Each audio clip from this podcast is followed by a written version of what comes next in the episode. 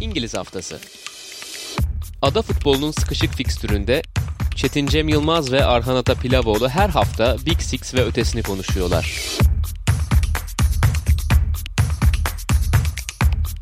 StatsBomb işbirliğiyle. Sokrates Podcast'ten hepinize iyi haftalar. Ben Çetin Cem Yılmaz. Arhan Atapilavoğlu ile beraber İngiliz haftasında sizlerle birlikteyiz. Premier Lig'in 6. haftası oldukça çekişmeli, büyük maçlarla dolu çok keyifli bir haftaydı. Belki bu şu ana kadar Premier Lig sezonunun en dolu dolu haftasıydı belki de. Haftanın ilk maçında yani iki maç, iki tane erken maçından bir tanesinde Chelsea Manchester City'ye yenildi. Manchester City bu sonuçla hani lige döndü demek abartılı olur ama iddiasını yeniden ortaya koydu. Şampiyon olarak hani tekrar ligdeki konumunu biraz daha netleştirmiş oldu. Manchester United Aston Villa'ya kaybetti. O günün devamında müthiş bir gol düellosu izledik. Liverpool Brentford'la 3-3'lük bir maç oynadı. Pazar günü Kuzey Londra derbisini Arsenal farklı bir skorla kazandı ve hafta dramatik bir şekilde de sonuçlandı. Crystal Palace Brighton maçı 1-1 sonuçlandı. Brighton kazansaydı ligin sürpriz ekibi kazansa liderliğe oturacaktı fakat 95. dakikada skoru 1-1'e getirmeyi başardı. Yani her şeyiyle hikayeli derbilerle dolu bir hafta haftaydı. O Crystal Palace Brighton arasında bir rekabet söz konusudur bu arada. Yani lokal rekabet söz konusudur. Bütün bunları düşününce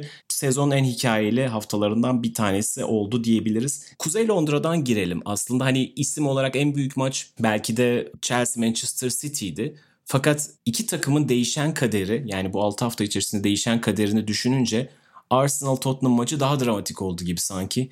3 hafta önce Tottenham gol yemeden 3'te 3 ile başlayarak ligin lideriydi. Arsenal son sıradaydı. Geride kalan 3 haftada Tottenham bir düşüşte farklı skorlarla kaybederek ligin 11. sırasına gerilediler. Arsenal ise kendini ligin ilk yarısına atmayı başardı. Öncelikle maçı konuşalım Arhan. Nasıl buldun? Arsenal'ın müthiş bir reaksiyonu oldu açıkçası. Bunu hakkında vermek gerekiyor. Bu senenin başına en kara tablo çizdiğimiz takım da Arsenal. Yani sadece bizim değil kendi adlarına da çok kötü bir başlangıç yapmışlardı. Fakat özellikle bu derbi galibiyetiyle işleri yoluna koymuş görünüyorlar. Öyle gözüküyor abi. Yani büyük anlatılar çıkarmak hala ben istemiyorum. Çünkü Arsenal'ın büyük takımlara karşı galibiyetler aldığını anımsıyoruz. Ha burada şöyle bir detay farkı var. Arsenal'ın oyunu da alarak kazandığı ilk büyük maç olabilir bu. Yani diğer maçlarda da evet doğru sinyaller verdikleri oluyordu ama uzun zaman sonra Arsenal'ın gümbür gümbür gelerek kazandığı bir büyük maç oldu diyebilirim. Baştan sona kadar, birinci dakikadan son dakikaya kadar hakim bir oyun, iyi bir oyun, doğru bir oyun ve gelen Arsenal galibiyeti bence çok değerli. Özellikle bahsettiğin gibi bir tarafta 3'te 0'la bir taraf 3'te 3 ile başlayan iki ezeli rakip ardından Emirates'e geliyor Tottenham ve bugün 10. sırada Arsenal, 11. sırada Tottenham var. Bu açıdan da önemli. Psikolojik açıdan da çok önemliydi Arsenal adına. 2 birlik geçen sene e, Lamela'nın Rabona attığı maçta da bence çok iyi bir geri dönüş yapmıştı. Açıkçası Emirates'te oynanan Kuzey Londra derbilerinde Arteta e, iyi bir iş çıkartıyor. Bunu söyleyebiliriz. Maç özelinde de bence hani az önce bahsettiğim gibi çok doğru bir şekilde Tomiyasu'nun sağ stopere geldiği, Kieran Tierney'nin yükseğe basarak sol kanatta genişlik sağladığı, zaman zaman Granit Xhaka'nın sol beke gelerek Emil Smith-Rowe'a ceplerde alan açtığı, keza yine Saka'nın geniş bas basarak Ödegaard'a ceplerde boş alanlar açtı. Çok güzel bir ana plan vardı maçta. Tanganga'yı Emil Smith-Rowe bahsettiğim yapıda Tierney'nin genişte ve yüksekte durduğu Granit Xhaka'nın sol beke geçerek orta sahada boşluk yarattığı anlarda Emil Smith-Rowe derine indi. Oradan Tanganga'yı çekti. Tanganga'yı çekince aslında Tottenham'ın da en önemli savunma parçalarından birisi Tanganga sezon başından beri. Onun boşalttığı alanlara da işte Aubameyang'la hücum ettiler. Kieran Tierney ile hücum ettiler. Yeri geldi Ödegaard'ın ters koşularıyla hücum ettiler ve kanattan merkeze çok iyi toplarla çok iyi final e, şutları çekti Arsenal. Günün sonunda baktığımızda gerçekten 3 golde bir tesadüfi değil. Evet geçişlerde geldi goller. Sete oturarak gelmedi belki ama mesela ikinci golde geriden topla çıkarak tam bahsettiğim şekilde Smith derine inmesi oradaki boşluğu Aubameyang'ın çok iyi değerlendirmesiyle geldi. O yüzden bence çalışılmış ve hak edilmiş bir galibiyet var Mikel Arteta ve Arsenal cephesi için. Evet şey dediğine çok katılıyorum. Yani bir anda Arsenal için bahar geldi. Tekrar Arsenal ilk dört mücadelesi verecek falan demek doğru olmaz. Ama hani bazı o kara bulutların da dağıldığında söylemek gerek. Yani 3 ayı koca bir ayı özellikle Eylül ayını pardon Ağustos'taki hiç gol atmadan geçiren Arsenal'ın şu anda en azından biraz daha üretken olmaya başlaması. Birazcık daha kendi güvenin gelmeye başlaması. işte o Emirates'taki o güzel hava şüphesiz pozitifti. Bir de derbi galibiyet her zaman önemli bir mesajdır. Birkaç da parçanın da yerine oturduğunu da söylemek gerekiyor. Yani mesela geçen sezon çok büyük ümitlerle gelen, haklı olarak da büyük ümitlerle gelen Partey'in tekrar takıma katılması, Ramsdale'ın iyi bir hani Leno'dan formayı kapmış görünüyor ve gerçekten orada bir güven vermeye başlaması. Ben White'ın da savunmada gerçekten benim çok soru işaretlerim vardı fiyatı ile ilgili falan ama savunmayı gerçekten toparlamaya başlaması, oradaki temel adam olmaya başlaması başlaması, işte sene başında tartışılan Aubameyang'ın da devreye girmesi haliyle takım kalitesini de yükseltti. Yani sene başında çok şikayet ettiğimiz yani bu takımdan işte atıyorum diğer Big Six'in diğer mensuplarına hangi oyuncuyu alırsınız falan dense çok kişi Arsenal'dan bir oyuncu almazdı. Ama kaliteli parçalarda yavaş yavaş devreye girince birazcık daha fazla iş bitirici de oluyor Arsenal normal. Şimdi bir takım sene başındaki 11 Arsenal'ın hatırlarsak bir takımın en büyük silahı Bukayo Saka'nın takımı birazcık ileri taşıyabilmesi olursa işte haliyle o takımı o oyuncuya karşı birazcık daha fazla önlem alıyorsunuz ve o takımın hücum aksiyonlarını limitleyebiliyorsunuz. Arsenal için ilk haftalardaki problem biraz buydu. Şu anda tabii ki başlı başına ligin böyle elit hücum güçleri arasına sokamayız ama daha fazla silahları olduğu kesin. Ve haliyle işte her atılan gollerde gördüğümüz gibi özellikle ikinci ve üçüncü golde gördüğümüz gibi o geçişlerdeki hızda takımın gençliği dinamizmi ve kullanabileceği parçaların çokluğu da kendi gösteriyordu. Müthiş bir başlangıç yaptılar. Tabii Tottenham'ı paramparça ettiler ve skor çok kısa süre içerisinde 3 3'e ulaşınca zaten maç gerçekten bitmiş oldu. Tottenham adına henüz sanki buna cevap verebilecek bir oyun karakterleri yok gibi görünüyor. Ligin ilk 3 haftasında yani bunu son 2 maçta da söylemiştik aslında. İlk 3 haftadaki sonuçlar bir parça yanıltıcıydı. Tottenham adına. Ayın menajeri seçilmişti Nuno Santo. Enteresan şekilde sonraki 3 maçı da üçer gol yiyerek kaybettiler. Yani 1-0 1-0 1-0 gidiyorlardı. Şimdi bir anda kendilerini çok daha böyle karanlık bir tünelde buldular. Yani Tottenham adına tabii ki hani şey konuşmak için çok erken. Nuno Santo'nun işte görevi için falan filan ama oldukça soru işaretleri yaşanacaktır. Tottenham cephesinden nasıl bakarsın biraz duruma? Biz bu şeyi konuşmuştuk özellikle. Yani Manchester City maçını iyi oynadıklarını kabul ediyoruz ama ikinci ve üçüncü haftadaki galibiyetler biraz yanıltıcıydı. Çok belirgin bir oyun üstünlüğü kurulmadan gelen galibiyetlerdi. Ve Crystal Palace maçında aslında biraz bunun geldiğini söylemiştik. O haftadan sonra da pek bir gelişme yok gibi sanki Tottenham'da pozitif olarak. Ne dersin? Tottenham cephesini nasıl değerlendirirsin? Abi Tottenham cephesinde sezon başından beri bir üretkenlik problemi olduğunun altını çiziyoruz. Zaten bu Jose Mourinho döneminde de aslında kendini gösteren bir problemdi. Takım iki tane belki de Premier Lig'in en iyi 5 hücum silahından ikisine sahip olmasına rağmen bir şekilde üretkenlik kuramıyor. Bunun temel sebeplerinden birisi de Mourinho'nun da şu an Espirito Santo'nun da topsuz oyunu geliştirmeye çalışması ve toplu oyunla çok fazla haşır neşir olmaması bence bir bakıma. Ya evet bu takım belki inanılmaz bir şekilde topa sahip olma oyunu oynayabilecek ayaklara sahip değil. Orta sahası bunu karşılayabilir mi? Çok emin değilim. Evet, Lo Celso var, Hill var, Endombele var, Delali var. Ama orta sahadaki saydığım 4 isimde istikrar konusunda çok sıkıntılı isimler. Hatta Delali'nin Manchester City maçında ne kadar iyi oynadığını hatırlıyoruz. Maçın en çok koşan oyuncusuydu. İkili mücadelelerde hep ayaktaydı. Sanki Mourinho'ya nazire yapacak şekilde bir 90 dakika çıkarmıştı. Ama bugün Arsenal maçına bakıyoruz. Geri dönüşlerde tamamen uyuyan, adam kaçıran, belki de gollerin yenmesine geçişte bu kadar geride kalmasının da payı var. O yüzden bu toplu oyunu bir şekilde oynayamıyor Tottenham. Evet belki personel, eldeki personel de buna çok uygun değil. Ama iki senedir de devam eden bir üretkenlik problemi var. E, setse oturamıyor, oyun kurmakta zorlanıyor.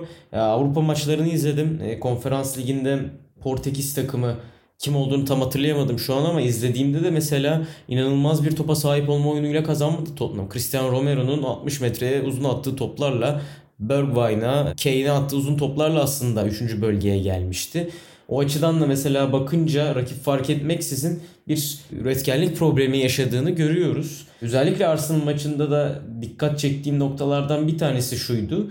Orta saha yapısı Endombele dahil olduktan sonra iki tane çok istikrarsız oyuncudan oluşuyor. Evet mesela Crystal Palace maçında Skip Wings Höyberg vardı. Onu da şöyle eleştirmiştik. Bu üçü bu üç oyuncu da aynı oyuncu. Siz bu üç oyuncuyla hiçbir şekilde farklı bir meziyet sunamazsınız. Yapabileceğiniz en iyi şey e, topları çok hızlı kazanıp geçişi oynayabilmek. Ama o, o baskıyı da kurmamıştı Crystal Palace maçında. O açıdan da sorunlu bir yapı vardı. Burada bir üretkenlik yaratmak için son iki maçtır Endombele'yi dahil ediyor. Endombele, Delali, Höyberk'i görüyoruz. Ama burada da Delali de Endombele de maç içerisinde bırakın sezon içerisinde maç içerisinde çok kopmalar yaşayan oyuncular. Ve Endombele ve Delali'yi kenara bırakıyorum. Benim Pierre-Emil Höyberg'in hani Euro 2020'yi de dahil ediyorum bu sürece. Tottenham'a geldiği günden bugüne dediğim gibi Danimarka milli takım performansını da dahil ediyorum. En kötü performansını izledim. En kötü Höyberg performansını izledim. Geri dönüşlerde çok sıkıntılıydı. Delali ve Endombele gibi iki tane hücumu düşünen ve geri dönüşleri sıkıntılı olan oyuncu varken çok ileride kaldı, derine inmedi. Adam kovalamada sıkıntılar vardı. Mesela Tanganga'nın Emil Smith Rowe'la indiği pozisyonlarda onunla boşalttığı alanlara girebilirdi, girmedi ya da sağda Ödegaard'ı kovalamadı. Gerçekten orta saha yapısı Tottenham'ın canını sıkmaya devam edecek gibi gözüküyor ilerleyen haftalarda. Toplayacağını düşünüyorum ben Tottenham'ı çünkü Nuno Espirito Santo Wolverhampton'da da doğru bir topsuz oyun yapısı kurgulamayı başarmıştı. City maçında ve Watford maçında Wolverhampton'ı söyleyemeyeceğim çünkü Wolverhampton maçı şanslı bir maçtı Tottenham adına. Doğru mesajlar vardı ama ben bu üretkenlik sorununu ya da toplu oyunu çözmeden ya da toplu oyun da demeyeyim sadece. Gol atmak için illa topa sahip olmanıza gerek yok. Geçiş hücumunu da mükemmelleştirmeden ileri presi tıpkı Watford maçında kurguladıkları gibi uzun vadeye yaymadan çok parlak şeyler görebileceğimizi düşünmüyorum. Dediğim gibi bence gol yeme sıklığını azaltacaktır Espirito Santo. Çünkü 3 maçta 9 gol yediler. Bu azalacaktır. Ama aynı oranda üretkenlik artacak mıdır? Ondan pek emin değilim. Evet bu son maçlara da baktığımızda hani Nuno Santo'nun da aslında dokunuşlarının buna yönelik hani gol sorununu çözmeye yönelik olduğunu anlayabiliyoruz. Mesela Chelsea maçında Lo Celso sahadaydı. Endombele'yi ve Delali'yi de beraber kullanıyor ama her seferinde de bunun hani yürümediğini sonra yavaş yavaş takımın yavaş yavaş düştüğünü orta sahaya verdiğini görünce de Mesela genç oyuncu Skip devreye giriyor. Belki Höyberg'in üzerine düşen yükü almak adına tekrar hani onu Skip'le eşleyip takımı ileri götürmek adına Endombele'yi sürebilir. Çünkü tamamını izlemedim şimdi yalan olmasın ama hani okuduklarım Ren deplasmanı da 2-2 bitmişti Tottenham'ın konferans ligindeki. O maçta Endombele'nin takımın iyi oyuncularından bir tanesi olduğuydu. Ama bahsettiğin çok doğru. Endombele 90 dakikanın 90'ında da size aynı performansı sunamıyor. Ama işte bazı pırıltıları var ki onun o ceza sahasında dalışları, bir anda topu ikinci bölgeden üçüncü bölgeye taşıyışları Tottenham gibi bir takım için çok kritik. Yani geçen sezon mesela ya da her sezon Heung-Min neler yapabildiğini biliyoruz ama bazen de o topu işte hızlıca geçiş hücumunda değil de top sizdeyken o topu rakip kaleye götürmeniz gerekiyor ve bunda çok büyük bir eksikliği var Tottenham'ın. İşte bir türlü o dengeyi kuramıyor gibi görünüyor Nuno Santo. Herhalde Harry Kane'in de takıma bir türlü kafaca ve fizik olarak gelememiş olmasının da bunda bir payı vardır. Yani şu anda hala parçaları deniyor. Elinde aslında parçalar yok değil bunu konuşuyoruz yani. Harry Kane var, Son var, işte Bergwijn var, Lucas Moura var. Lo Celso var. Burada aslında yeterince kalite var ama bunları işte Endombele var. Bunları olumlu anlamda işte dengeli anlamda dağıtabilmek problem. Ben de Tottenham'ın açıkçası biraz toparlayacağını düşünüyorum ama sene başındaki gibi bir anda takıma hayal kurduran o periyodun bittiği de bir gerçek. Çok kısa da şeyi söyleyeyim. Tabii şimdi bir ay geçtikten sonra ve performansı gördükten sonra bunu söylemek kolay. Ama yani Harry Kane'in bu hafta sonundaki halini de gördükten sonra ki Kuzey Londra derbilerini çok seven bir golcüdür. Her zaman atar yani bir eşleşmede. Arsenal ki çocukluk tak takımıdır yani kendisinin Arsenal taraftarı olarak yetiştiğini biliyoruz. Fakat Tottenham ile özdeşleşmiş bir oyuncu artık ve gerçekten Arsenal'ı çok fazla canını yakmış da bir oyuncu. Yani en kötü performanslarından bir tanesiydi. Şimdi bunu da izledikten sonra acaba Manchester City yani 100 milyonlara 120 milyonlara çıktığında Daniel Levy bu teklifi kabul etse miymiş diye düşündüm. Yani yıldız oyuncu kaybetmek tabii mental olarak da çok büyük bir darbe vurur. Ama bazen de bir oyuncunun stoğu yükseldiğinde de hani bazen de elden çıkarmak gerekir. Yani Tottenham'ın elinde patlamış mı olacak Harry Kane yoksa hani bu kısa bir periyot Harry Kane tekrar Tottenham'ı üst sıralara çıkartacak mı? Tekrar sırtında taşımaya başlayacak mı? Göreceğiz. Şu anda çok büyük konuşmak istemiyorum ama şu anki görüntü belki de alması gerekiyordu o parayı Daniel Levy'nin ve takımın yani başka parçalarını iyileştirmeye kullanacağı bir para olacaktı bu diye düşünmüyor değilim. Ee, var mı ekleyeceğin bir şey? Yavaştan diğer maça geçelim mi? Geçebiliriz abi. Ben de kesinlikle Kane noktasında seninle aynı fikirdeyim. Yani Manchester City'nin hatta yazın Pep Guardiola'nın biliyorsun gelecek sezon kulüp kariyer macerasına bir nokta koyacağı söyleniyor. Son sezon olacağı söyleniyor. Manchester City ile zaten sözleşmesi o zamana kadar devam ediyor ve o zaman bırakıp milli takıma geçeceği söyleniyor. Ben buna pek inanmıyorum. Eğer Şampiyonlar Ligi'ni bu sezonda kazanamazsa veya bu sezon Premier Ligi kazanamazsa kesinlikle bir iki sene daha devam edecektir bir son dokunuş yapmak için. Ve ben o son dokunuşu ya bu sezon Şampiyonlar Ligi'ni kazanabileceğini düşünmüyorum City'nin. O son dokunuşu bu kadar iki tarafın da birbirini istediği Harry Kane Guardiola ilişkisiyle birlikte yapabileceğini düşünüyorum. Ya o ilişki sanki bir şekilde birbirine buluşacak gibi duruyor.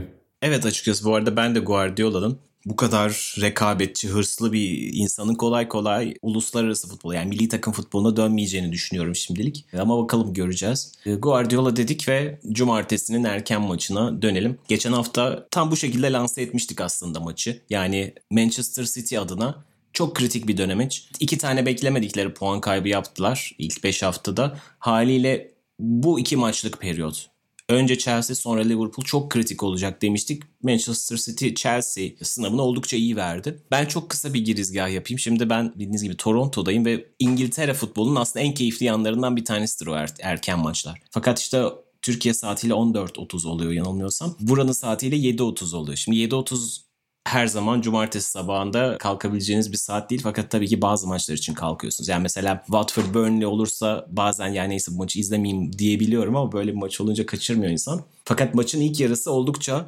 durgundu, düşük tempoluydu. Hani yaklaşık neredeyse gole kadar çok bariz bir gol şansı da yoktu. Hani gol beklentisi merdiveni çok uzun süre neredeyse 55 dakika boyunca böyle düz bir çizgi gibi gidiyor. Dolayısıyla işin taktik savaşı tarafını sana bırakacağım. Çünkü cumartesi sabah o saatte işin taktik savaşı kısmında benim kafam o kadar da basmıyor. Neyse ki maçın ikinci yarısında birazcık benim de afyonumun patlaması maçın da hızlanmasıyla beraber ikinci yarı çok keyifli oldu. Gerçekten iki takımın adına yakıştı. Fakat ilk yarıdaki o satrancı da senden de dinlemek isterim genel olarak maçı nasıl buldun diye pası sana atayım. Abi şunu rahatlıkla bence söyleyebiliriz maç özelinde. Pep Guardiola'nın net bir zaferi bu. Yani Thomas Tuchel'e karşı 3 maçtır kaybediyordu. Chelsea döneminde hiç kazanamamıştı ve bir reaksiyon vermesi gerekiyordu. Bunu geçen hafta da konuşmuştuk. Psikolojik üstünlüğü kaybetmesi hiç iyi olmazdı. Zaten Jurgen Klopp'a bir dönem bunu kaybeder gibi oldu. Sendeledi, şampiyon oldu Liverpool. Sonrasında eşitledi durumu. Şu an kafa kafaya gibiler. Yani bunu bu arada Premier Lig özelinde söylüyorum. Dortmund, Bayern ya da işte Tuchel'de Mainz, Paris Saint Germain, Dortmund vesaire bunları tamamen geride bırakarak söylüyorum. Şu anda da Pep Guardiola aldı bu galibiyetle ya evet siz de çok iyi teknik direktörsünüz ama ben de buradayım hiçbir yere ayrılmadım mesajını çok net bir şekilde verdi. Geri kalan 3 maçta FA Cup'ta, Şampiyonlar Ligi'nde ve ligde özellikle ligdeki karşılaşma bence yine Pep Guardiola'nın her ne kadar farklı bir şeyler yaparak oyunu kurgulasa da oyun olarak bence yine özellikle ilk yarı ikinci yarı Chelsea iyi reaksiyon vermişti o maçta ama ilk yarı yine bence daha iyi oynadığı maçta Agüero o penaltıyı atsa aslında zaten 3 maç üst üste mağlup olmayacaktı Thomas Tuchel'e. Ama bu maç gerçekten orta saha kurgusuyla, önde pres kurgusuyla, ikinci toplara saldırmasıyla Manchester City'nin çok özel bir galibiyeti oldu. Thomas Tuchel'in geçen sezon Liverpool maçında kurguladığı, hızlı oyunu kurguladığını gördük. Yani Timo Werner'in varlığı biraz ona işaret ediyordu. O geniş alanlara hücum edebileceğini düşündü muhtemelen. Tottenham maçında işe yaradı bu plan. 3-5-2'ye döndü. İkinci yarıda Kante oyuna sürdü. Orta sahada kazanılan topları hızlı bir şekilde Werner'e aktardılar. Ama işte Tottenham'la Manchester City aynı takım değil. Ben bunun işe yarayabileceğini düşündüm. Çünkü Laporte biliyorsun abi her an hata yapabilecek bir stoper. Çok yaptı. Evet sezona iyi başladı. Ama Timo Werner gibi hızlı bir oyuncuyu. Hayalim şuydu aslında maçı maçtan önce 11'lere baktığımda. Yani 35-40'ta Manchester City iyiden iyiye baskısını arttıracak. Ama geride geniş alanlar bırakacak. İşte Kante, Kovacic, Jorginho üçlüsünün kazanacağı bir top. Werner'e uzun top. Laporte eşleşmesi. Ya da Lukaku derine inecek. Laporte'u çekecek. E, pardon Diaz'ı çekecek. Ve Werner'e hücum edecek. Ve bir geniş alanda Chelsea'nin golünü izleyeceğiz diye maç öncesi kafamda kuruyordum ama dediğim sadece Manchester City'nin 35-40 gibi baskısını iyiden iyi arttırması oldu. Yavaş yavaş yavaş yavaş mükemmel bir şekilde işlediler. Burada bence önemli bir nokta var. Bunu Emre abiyle, Emre Özcan'la Tardil Müfe'de de konuştuk. O yayında da söyledi. 5-2-3 karşılamıştı Şampiyonlar Ligi finalinde. Bu maç özelinde 5-3-2 karşıladı. Ve bu ben şöyle düşünüyorum açıkçası burada. Southampton maçını geçen hafta konuştuk abi seninle. Southampton'ın ön alan baskısının Manchester City'nin oyun kurulumunda ne kadar işlerini zorlaştırdığını gördük. Orada Joao Cancelo'nun merkeze inemeyişi onu kanatta, bekte maruz bıraktı. O kadar çok e, derine inemedi, merkeze inemedi ki Jack Grealish artık top almaya geldi. Ya gerçekten bir sol bek değil sol stopere evrildi neredeyse Southampton'ın baskısını geçemediği için Manchester City. Ya birden ikiye geçemedi, ikiden üçü bırakın. Ya ikiden üçe geçip sete oturması beklenen bir City var. Her zaman her hafta 38 haftanın 38'inde de biz de o 3. bölgede yoğunluklu bir City görmeyi hayal ediyoruz. Ama Southampton baskısıyla Manchester City 2'den 3'e değil 1'den 2'ye geçirmedi. Chelsea de bunu aslında Şampiyonlar Ligi finalinde o 3 oyuncusuyla yapmıştı. Kai Havertz'le, Timo Werner'le, Mason Mount'la bunu iyi başarmıştı. Manchester City yine 3'e geçmekte çok zorlanmıştı. Fiziksel olarak ikinci topları kaybettiği için iyice zorlanmıştı hatta. Ama bu maç özelinde dediğim gibi Timo Werner ve Lukaku ile kalınca ön hat birden ikiye geçiş çok rahat yaptı Manchester City. Ya böyle daha 5. 6. dakikada Manchester City'nin gayet rakip yarı alanda Laporte'la Diaz'la oyun kurduğunu gördük. E tabii ki siz bu alanı Manchester City'ye verirseniz Manchester City yavaş yavaş baskıyı arttırır ve oyun üstünlüğünü ele geçirmeye başlar. Oyun üstünlüğünü ele geçirmeye başlayınca da yani sizi iyice derine çekince de bu kadar yetenekli oyuncuların olduğu bir 11 ki Manchester City'nin bilerek seçtiğini düşünüyorum Pep Guardiola'nın bu 11'i. Kevin De Bruyne, Jack Grealish, Bernardo Silva, Gabriel Jesus, Phil Foden en yetenekli oyuncularını atmış gerçekten sahaya. Bu kadar yetenekli oyuncunun olduğu bir yerde de evet şans golü Evet Cancelo vuruyor, Jesus'a sekiyor vesaire ama bu kadar yetenekli oyuncu varken o kadar derine inersiniz o golü bir şekilde yemek zorunda kalıyorsunuz. Onu gördük maç özelinde. Bir de şunu ekleyeyim bunu Twitter'da da yazdım. Şampiyonlar Ligi'nde 90 dakikada Manchester City'nin orta sahası ki o zaman işte bahsetmiştik İlkay veya Rodri'nin e, düzeltiyorum Rodri'nin veya Fernandinho'nun olmayışı o ikinci toplarda kontra preste canını çok yakmıştı Manchester City'nin. O 90 dakikada bu üçlü orta saha sadece 3 tane pas arası ve tackle yapabilmişti. Manchester City'nin bu hafta sonu oynadığı maçta, geçen hafta sonu oynadığı maçta üçlü orta sahası Rodri, Bernardo Silva, Kevin De Bruyne orta sahası tam 7 pas arası ve tackle yaptı sadece 45 dakikada. Aradaki farkı ne kadar keskin olduğunu görüyoruz. İkinci toplarda, sahipsiz toplarda, kontra preste mükemmel bir Manchester City gördük. Özellikle kontra pres Chelsea'nin Thomas Tuchel geldiği günden bu yana en büyük silahı resmen kendi silahıyla vurdu onları. Kenarlara baskılarda çok iyilerdi. Rodri'nin varlığı sayesinde süpürücülük görevini aldılar. Sahipsiz topları kazandılar. Bernardo Silva da Rodri'ye çok yardım etti burada. Zaten en çok sahipsiz top kazanan 3 oyuncunun ikisi Manchester City'de. İkinci Rodri 10 top kazanmış. Üçüncü Bernardo Silva 9 top kazanmış. Bu gerçekten dediğim gibi kontra presle topun 3. bölgede gezinmesiyle birlikte her şeyle bence Pep Guardiola'nın aldığı çok değerli galibiyetlerden birisiydi. Hele böyle sıkıntılı bir fikstüre girmişken, hele Southampton'la da berabere kalmışken zamanlama olarak da ben çok değerli olduğunu düşünüyorum. Buradan alınacak bir mağlubiyet üstüne Paris Saint Germain yani Paris Saint Germain dünyadaki her takım yenilir yenilebilir. Orada da Şampiyonlar Ligi'nde de bir darbe Liverpool'a Anfield'a gideceksiniz bir de. Anfield'da işleri çok zorlaştırabilirdi. Ama şu an hafta içi alınan herhangi bir sonuç bence hiç fark etmeyecek. Anfield'da çok daha kendinden emin bir şekilde gidiyor Manchester City. Ve bundan bir hafta önce ne konuşuyorsak şu an tersini konuşabiliriz. Liverpool maçında kazanırsa Pep Guardiola'nın ekibi ligde böyle bazı şeylerin ufak ufak belli olmaya da başlayabilir. Çünkü Liverpool, Chelsea, Arsenal, Leicester, Southampton, Tottenham bu kadar zorlu rakiple oynamış olacak Manchester City ve Liverpool Chelsea'den 6 puan çıkartabilirse çok çok değerli olacak diye düşünüyorum.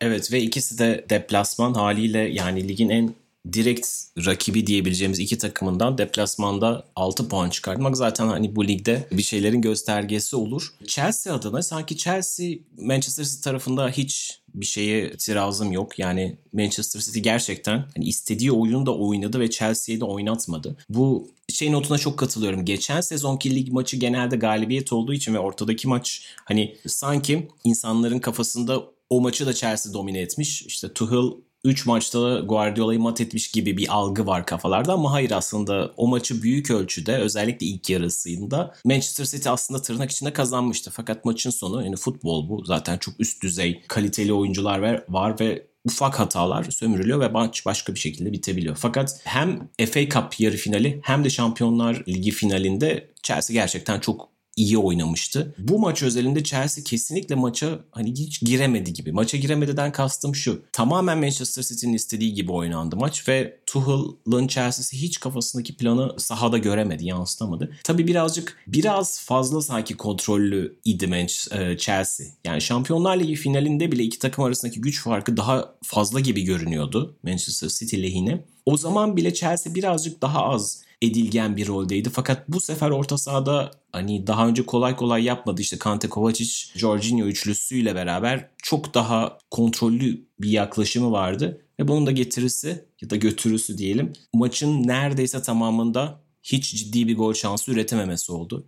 5 şut, 0 isabetli şut ve hani 0.3'lerde bir XG'den bahsediyoruz. Yani Chelsea adına itiraz edilebilecek nokta, Chelsea adına en büyük eleştirilebilecek nokta maçı belki belirgin belli bir süre bir saat kadar işte istedikleri şekilde en azından istedikleri skorda tutabildiler. Fakat evinizde oynuyorsanız maçın son yarım saatinde dahi bir şey üretememek yani karşınızdaki takım Manchester City tabii ki gezegenin en iyi takımlarından bir tanesi. İngiltere'nin son işte 4 yıldaki 3 kez şampiyon olmuş takımı. Hakim futbolu doğru. Fakat yine de siz de Chelsea'yseniz son 30 dakikada hiç dişe dokunur bir şey üretememiş olmak biraz soru işareti bence. Tabii ki bunu şey demiyorum yani karşınızda basit bir takım yok. Bu Tuchel da bunu öyle söyledi zaten. Yani Manchester City bizi oynatmadığı için oynayamadık zaten dedi. Tabii ki bu Manchester City'nin başarısı. Fakat yine de oynatmadığı için oynayamamaları da çok bir mazeret sayılmıyor benim gözümde. Chelsea adına soru işaretleri yaratan bir gün oldu ve evet Manchester City adına da olumlu anlamda hala bu ligin referans takımı olduğunu hissettiren bir gündü bu. Bahsettiğim gibi bir süredir Pep Guardiola Tuchel'a işte 3 kez üst üste yenilmesinin etkisiyle işte kupayı Şampiyonlar Ligi'ni finalde kaybetmesinin etkisiyle hani soru işaretleri vardı. Takımı da bazı açılardan güç kaybetmişti. Jack Grealish'i kenarda tutarsak total olarak işte Agüero'sunu kaybetti. Santrforsuz oynuyor falan filan. Bütün bunları ortaya koyduğumuzda Manchester City hala Manchester City olduğunu gösterdi diyebileceğimiz bir maç oldu hafta sonu gerçekten son yıllarda Premier Lig'in en çekişmeli, en keyifli maçlarını hatta Şampiyonlar Ligi'nde taşan bir rekabet olan bu Manchester City maçını izleyeceğiz.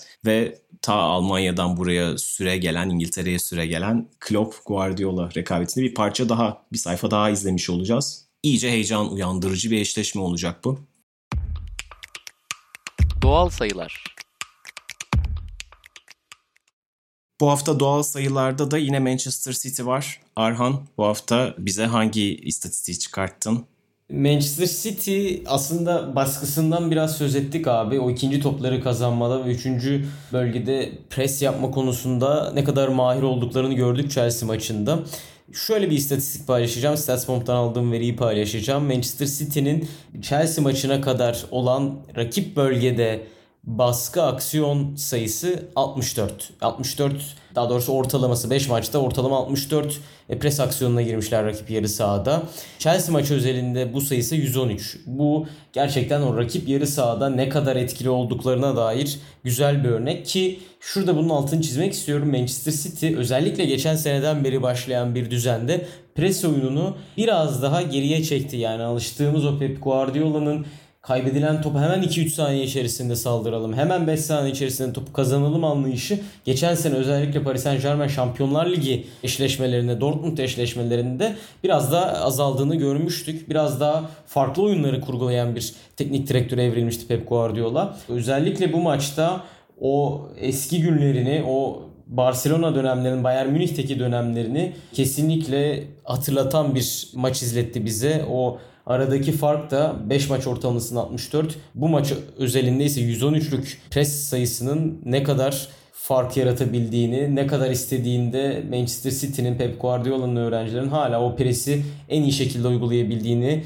gördük ve bence şu açıdan da değerli son eklemem olsun. Genellikle pres oyununun yoğunlukla, fiziksel üstünlükle veya fiziksel kapasitesi yüksek oyuncularla yapılabileceği söylenir.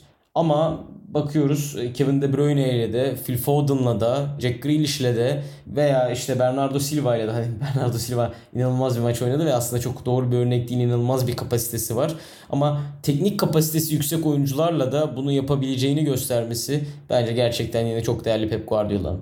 Buradan Liverpool'a geçelim. Liverpool ve Brentford'da bu sezonun belki de en iyi maçını oynadılar. Yani bunu açıkçası maçın 30. dakikasında daha skor 1-1 iken falan söylemiştim. Bu kesinlikle bu sezonun en iyi maçını izliyoruz hissindeydim ve maç sonra ona yakışır şekilde de devam etti. 3-3'e kadar gitti.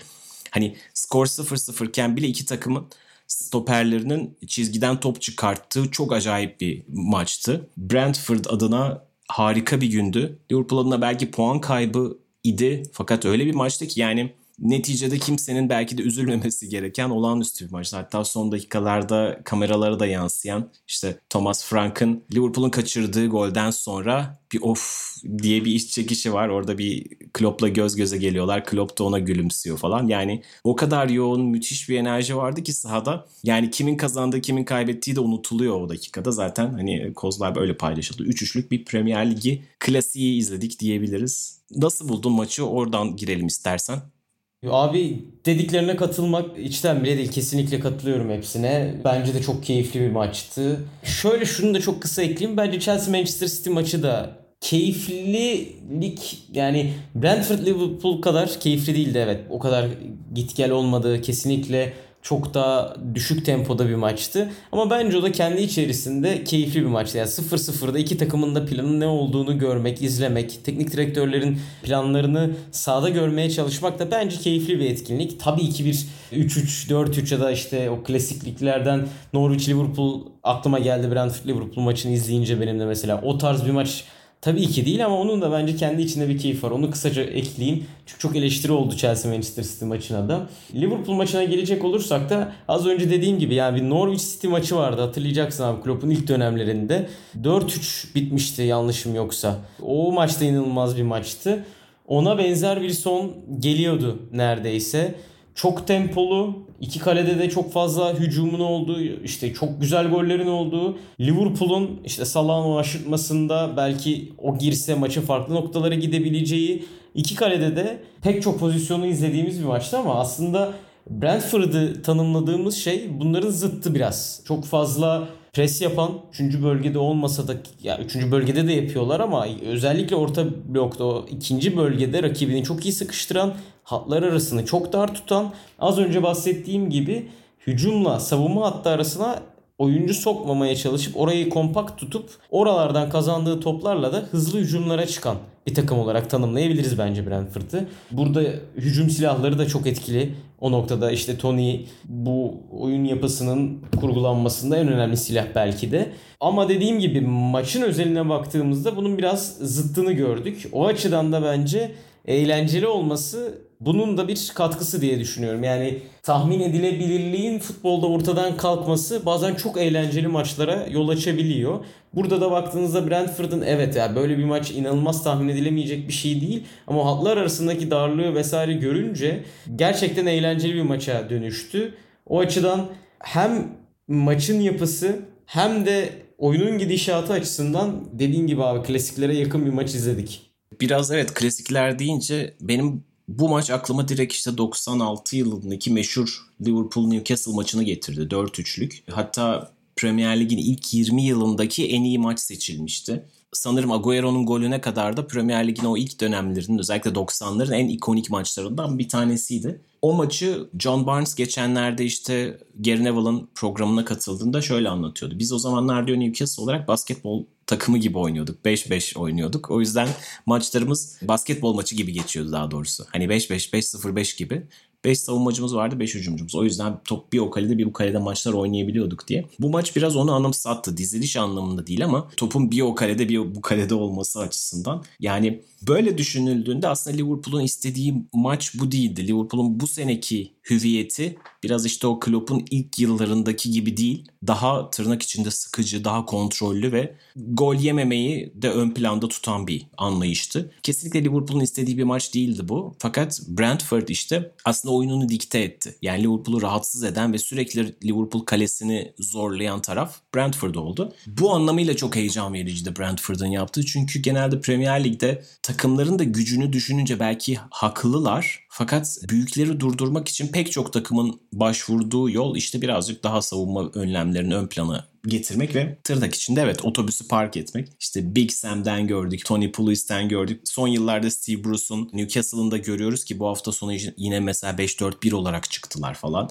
Sean Dyche'da görüyoruz. Fakat Premier Lig'de birazcık farklı bir soluk getiren, kendi oyununu yine oynamaya çalışan takımlar da var. Brentford da bunların arasına katıldı. İşte Bielsa'nın Leeds'i için bunu söylüyorduk zaten. Bu sene Crystal Palace biraz o ışığı veriyor bana. Henüz çok büyük bir takım karşısında yani Tottenham karşısında aslında gördük ama Tottenham topu bırakmayı da sevebilen bir takım. Mesela Liverpool karşısında Liverpool'u zor durumlara e, soktu Crystal Palace. Son dakikalarda, son 15 dakikada çözüldü o maç. Öyle farklı 3-0 bitti ama aslında çok uzun dönemler 1-0 gidiyordu. Yani çok skora aldığın olmasın.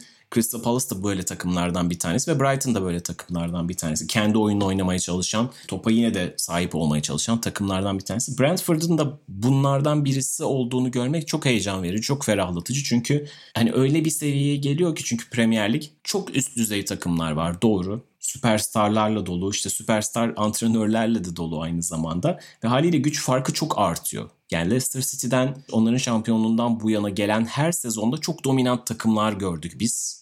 İşte Chelsea oldu. Sonrasında Manchester City oldu. Liverpool'la City'nin çekiştiği sene inanılmaz puanlar yakalandı. Sonra yine City'de geçen sene inanılmaz bir form yakaladı. Hani durdurulamaz bir hale geldi. Fakat böyle takımların ortaya çıkıyor olması birazcık ferahlık verici. Bu sene bu kadar baskın büyük takımlar varken yani kesinlikle bu maçı Liverpool puan kaybetti tarafından değil de işte Brentford bu puanı söke söke aldı olarak okumak gerekiyor. Ve o yüzden özellikle de onların performansına değinmek durumunda hissettim. Yani kesinlikle bu senenin en heyecan verici maçlarından bir tanesiydi ve bunu böyle yaptıkları için de hani Brentford'a müte- müteşekkirim diye düşünüyorum. Bu anlamda biraz hani Liverpool adına yine de koparılamayacak bir maç mıydı? Değildi. Golleri birazcık hani daha kolay attılar sanki ve 4-2'den sonra 3-2'den sonra 4-2 çok rahat yakalanabilecek pozisyonlar vardı işte Salah'ın ve Mane'nin bazı gol vuruşlarında hafif bir hani o öldürücülük yok da bazen sanki hani bu pozisyon olmadı bir sonrakini atarız rahatlığı oluyor bazen. Sanki en azından vücut dillerinde ya da o vuruşlarının hissettirdiğinde. Liverpool bence biraz bundan çekebilir gibi geliyor. Çünkü bu maçı ileride arayabilir Liverpool. Yani Brentford'un aldığı puandan aşırı mutluyum. Çünkü müthiş bir gündü ve kesinlikle bence kesinlikle böyle bir gün kaybetmeyi hak etmiyorlardı. Fakat Liverpool adına yani böyle günlerin bir şekilde yine de koparılması ve o 3-2 iken o skorun tutulması gerektiğinde 4 işte 4-2'ye getirecek gollerin de kaçmaması gerekiyor. Liverpool adına bir yumuşak karın olabilir bu. Hani rakipler de bu kadar güçlü ve acımasızken Manchester City ve Chelsea'den bahsediyorum. Liverpool'un birazcık daha katil içgüdüsüne sahip olması gerekiyordu diye düşünüyorum. Fakat bütün bunların yanında müthiş bir futbol akşamıydı. Yani çok doymuş olarak kalktım ekran başından. Kesinlikle abi ya özellikle İki takımın da dediğim gibi o Liverpool maçına da benzetebilirim aslında. İlk hafta Leeds'in lige çıktı 4-3'lük maç. O da çok güzeldi. Ya biraz ben Brentford özelinde konuştum ama beni özellikle o pres yapıları gerektiğinde 3. bölgeye kadar basabilmeleri, gerektiğinde orta blokta derinde bekleyebilmeleri o beşli yapısıyla işte zaman zaman 5-3-2, zaman zaman 5-2-3'ü çok iyi kurguluyorlar. O yüzden gerçekten Thomas Frank'a burada bir şapka çıkartmak lazım topsuz oyunda işte o bahsettiğim az önce her zaman topa sahip olmanız gerekmiyor. Tottenham özelinde söyleyebilirim. Ama o pres oyununu, rakibi rahatsız edecek oyunu alıp rakibi rahatsız edip aldığınız toplarla da hızlı hücum edebilirsiniz. Ya da işte bazen Tony'ye uzun da vuruyorlar. Bunu da bir opsiyon olarak kullanabilirsiniz. Bunu Tottenham da kullanıyor dediğim gibi Romero'nun varlığında. Ama bu kadar düşük oyuncu profilleriyle, bu kadar farklı bir yapıyla, bu kadar iddialı bir takım kurabilmek gerçekten herkesin yapabileceği bir şey değil. Özellikle de Premier Lig gibi e, sizi değiştiren bir ligde kendiniz olarak bunu yapabilmek çok çok daha değerli bence. Evet mesela hani Norwich'i biraz hatırlıyoruz. Norwich de bunu yapmaya çalışıyor e, Daniel Farke önderliğinde fakat ilk sezon da bu olmuştu. Bir duvara çarpıyorlar. Yani bazen işte haliyle kalite farkı Championship'te oynadığınız oyunu burada oynayamamanıza sebep oluyor doğru. Brentford bunu müthiş şekilde tercüme etti ve hala hani çok büyük transferler yapmadılar. Hala kendilerini buraya getiren o anlayıştan da taviz vermediler. Bu bunu görmek çok etkileyici, çok ferahlatıcı gerçekten de. Günlerin Köpüğü Ben de programın son bölümünde Günlerin Köpüğü'nden, Günlerin Köpüğü bölümünde biraz da bundan bahsetmek istiyorum. Brentford'ın hikayesi üzerine geçtiğimiz haftalarda biraz konuşmuştuk. Nasıl tırnak içinde Moneyball hikayesiyle beraber oyuncu datalarını kullanarak oyunculardan nasıl hangi oyuncuları hedeflemeleri gerektiğini, nasıl transfer yaptıklarını konuşmuştuk.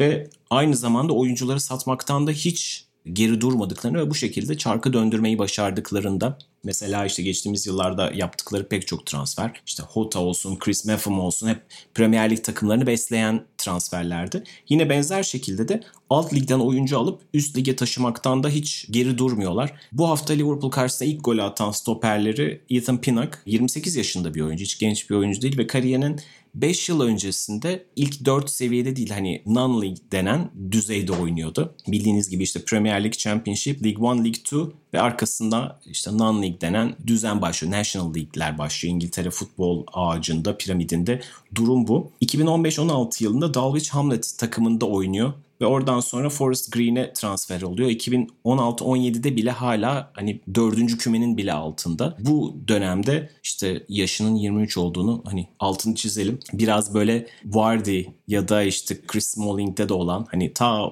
oralardan yolunu yukarılara kadar çıkartmış bir oyuncudan bahsediyoruz. Ve Forest Green'den sonra Championship'te oynayan Barnsley'nin dikkatini çekiyor Barnsley'deki performansıyla da birinci ligden Championship'e transfer oluyor Brentford'da. Bütün bu aslında Brentford'ın yaptığı hikayeyi çok iyi özetleyen bir durum. Çok büyük transferler yapmıyorlar, çok büyük isim transferleri yapmıyorlar fakat özellikle Championship'te ya da Avrupa'da genelde de kulübün bağları sebebiyle kuzey ülkeleri oluyor bunlar. Danimarka oluyor başta, başta Danimarka olmak üzere. Oyuncu taramaları ve kendilerine uygun olan oyuncuyu bulduktan sonra da onunla yola devam etmeleri. Ethan Pinnock'ın hikayesi gerçekten çok özel. Bu yüzden 28 yaşında ilk defa Premier Lig'de oynuyor ve bahsettiğim gibi işte 5 yıl içerisinde geldiği nokta ve hem boyuyla, fiziğiyle hem de oyun sezgisiyle, enerjisiyle çok hani farklı bir oyuncu. Fakat tıpkı Brentford gibi hani Premier Lig'e kattıkları çok keyif verici. Bu yüzden hem Pinnock hem de Brentford'un hikayesini tekrar bir hatırlatmak istedim bu noktada. İngiliz haftası bu haftalık bu kadardı. Dinlediğiniz için çok teşekkür ederiz. Biz gelecek hafta tekrar burada olacağız. Hoşçakalın. Hoşçakalın.